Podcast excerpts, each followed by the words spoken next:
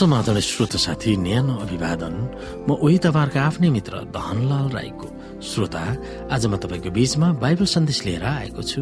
आजको बाइबल सन्देशको शीर्षक रहेको छ सत्यलाई थाहा पाउनु।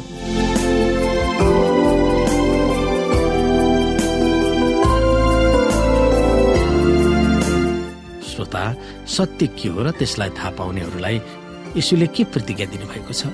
सो हामी बाइबलका केही पदहरू हेर्न सक्छौ। जस्तो योहन्ना आठ अध्यायको एकतिसदेखि हेरौँ यहाँनिर। यसुले आफूमाथि विश्वास गर्ने यहुदीहरूलाई भन्नुभयो तिमीहरू मेरो वचनमा रह्यो भने तिमीहरू साँच्चै मेरो चेला हो। तब तिमीहरूले सत्य के हो सो जान्नेछौ र त्यसले तिमीहरूलाई स्वतन्त्र तुल्याउनेछ। यसै गरी योहन्ना सात अध्यायको सोह्रमा हेर्न सक्छौ।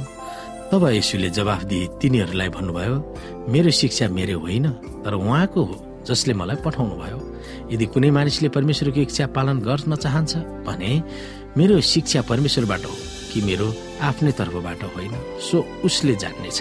जसले आफ्नै तर्फबाट बोल्दछ उसले आफ्नै सम्मान खोज्दछ तर जसले आफूलाई पठाउनु नैको सम्मान खोज्दछ त्यो सत्य हो र उसमा छल हुँदैन। यसै गरी युहुनाकै पुस्तक सत्र अध्यायमा पनि हामी हेर्न सक्छौँ। तपाईँले तिनीहरूलाई संसारबाट लैजानुहोस् भनी म प्रार्थना गर्दिनँ तर तिनीहरूलाई दुष्टबाट सुरक्षित राखिदिनुहोस्। तिनीहरू संसारका होइनन् जस्तो म पनि संसारको होइन। तिनीहरूलाई सत्यमा पवित्र पारिदिनुहोस् तपाईँको वचन सत्य हो जसरी तपाईँले मलाई संसारमा पठाउनु भयो। मैले पनि तिनीहरूलाई संसारमा पठाएको छु। तिनीहरूका खातिर म आफैलाई पवित्र पार्दछु ताकि तिनीहरू पनि सत्यतामा पवित्र हुन्। बेबिलोनका गलत धर्म दर्शन तर्क र विद्याहरूबाट भाग्नु र आफ्नो वचनमा लेखिएको अनन्तको सत्यको उज्यालोमा हिँड्नु भनेर परमेश्वरले उहाँका जनहरूलाई अन्तिम अनुरोध गर्नुभएको छ। जीवनको सबै साँचो बाइबलमा छ। जबसम्म मानिसहरू बाइबलमै अडिक भएर बसे र यसमा सिकाएका सत्यहरूलाई पछ्याए अन्तको सङ्कटमा आउने कुनै पनि तत्त्वले तिनीहरूलाई धोका दिने छैन। विशेष गरेर सावतको बारेमा। दोस्रो स्वर्गदूतको सन्देशले हामीलाई गलत शिक्षा वा विद्याभन्दा सत्यतिर स्वीकार गर भनेर आह्वान गरेको छ।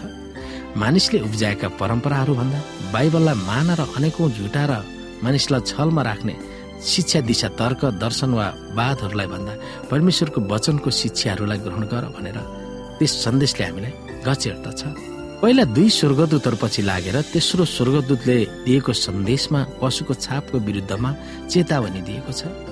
बाइबलभरिका भविष्यवाणीहरूमा पशुभन्दा कि त राजनैतिक वा धार्मिक शक्तिलाई इङ्गित गर्दछ। प्रकाश तेह्र र चौधमा उल्लेख गरिएको समुद्रमा उदय हुने पशु रोम हो जसले विश्वव्यापी रूपमा त्यसले आफ्नो धार्मिक प्रणाली वा आराधना गर्ने नीति लाद्दछ। बिस्तारै त्यस शक्तिले सारा संसारमै चर्च र राज्यलाई एक बनाउन अभियान चाल्न लगाउनेछ। आर्थिक राजनैतिक सामाजिक प्राकृतिक अन्तर्राष्ट्रिय सङ्कट र विश्वव्यापी द्वन्द उथलपुथल भएको बेला सबै धर्म र राजनैतिक शक्तिलाई एउटै छातामा ल्याउने त्यस शक्तिको लक्ष्य हो। अचम्मको कुरो के छ भने त्यस विश्वव्यापी गठबन्धनको नेतृत्व बिस्तारै अमेरिकाले नै गर्नेछ। मानिस अमर छ र आइतबार नै पवित्र दिन हो भन्ने दुई उल्लेखनीय गलत शिक्षालाई मिलाएर शैतानले मानिसहरूलाई आफ्नो जालमा पार्नेछ। आत्मा अमर छ भन्ने जग तन्त्र मन्त्र वा अपार आध्यात्मवादमा छ भने आइतबार नै साबत हो भन्ने शिक्षा रोमन क्याथोलिक चर्चको भएकोले दुवैलाई एउटै डोरीमा बाँधिनेछ। त्यसमा अमेरिकाका लोकप्रिय प्रोटेस्टेन्ट चर्चहरू वा विभिन्न डिनोमिनेसनहरूले आफ्ना हातहरू बढाएर बाइबल सम्बन्ध नभएका तन्त्र मन्त्र गर्ने जस्ता अलौकिक आध्यात्मवाद वा धर्मसँग मिलाउनेछन्। तिनीहरू युगौँसम्म प्रोटेस्टेन्ट वा क्याथोलिक चर्चको बीचमा भएको फाटोलाई पूर्ण आफ्ना हातहरू बढाएर रोमसँग हातेमालो गर्नेछन् र यस तीन समूहको गठबन्धनले फेरि अमेरिकाको रोमसँग मिलेर विवेक वा आत्मनिर्णयको स्वतन्त्रतालाई उल्चिनेछ यसका निष्ठावान जनहरू दश आज्ञालाई पालन गर्दै तिनीहरूको हृदयमा यसुलाई यसुको विश्वासद्वारा सजाएर जीवित रहन जरुरी आग्रह गर्दै ती सन्देशहरू टुङ्ग्याउँछन्। सत्यले तिमीहरूलाई स्वतन्त्र दिनेछ भने यसुको वचनलाई तपाईँ हामीले कसरी बुझ्न सक्छौँ? त्यसको अर्थ के हो? सत्यले हामीलाई अथवा तपाईँलाई कसरी स्वतन्त्र दिएको छ? यस परिवेशमा स्वतन्त्र हुनु भनेको के हो? त्यो विषयमा हामी बुझ्न सक्दछौँ।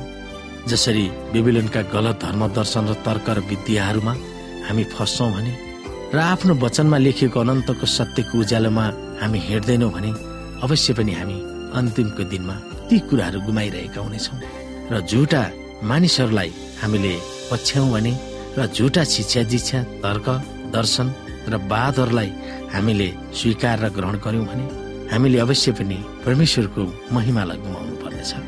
यदि कुनै मानिसले परमेश्वरको इच्छालाई पालन गर्न चाहन्छ भने उहाँको अथवा परमेश्वरको शिक्षालाई स्वीकार गर्नुपर्दछ जसले आफ्नै तर्फबाट बोल्दछ। तिनीहरूले आफैलाई जोखिममा पार्दछ जसले आफ्नो सम्मान खोज्दछ जसले आफूलाई उच्च राख्दछ। आफूलाई पठाउनु हुनेको सम्मान गर्दैन त्यो सत्य हुँदैन र त्यो छली हुँदछ। र हामी जसले हामीलाई पठाउनु भयो र हामीलाई जसले परमेश्वर प्रवेश ख्रिस्टलाई पठाउनु भयो भने हामी विश्वास गर्दछौँ र हामी उहाँमा प्रार्थना गर्दछौँ र हामी उहाँमा भर पर्दछौँ र उहाँको महिमामा हामी तल्लीन हुँदछौँ तब मात्र हामीले सत्य शिक्षालाई पालना गर्न पुग्दछौँ र सत्य शिक्षालाई अँगाल्न पुग्दछौँ। यी कुराहरूमा हामी विचार गर्न सक्दछौँ।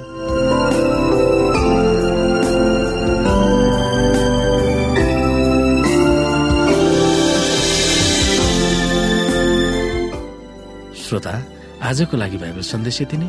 हस्त नमस्ते जय मसिंह।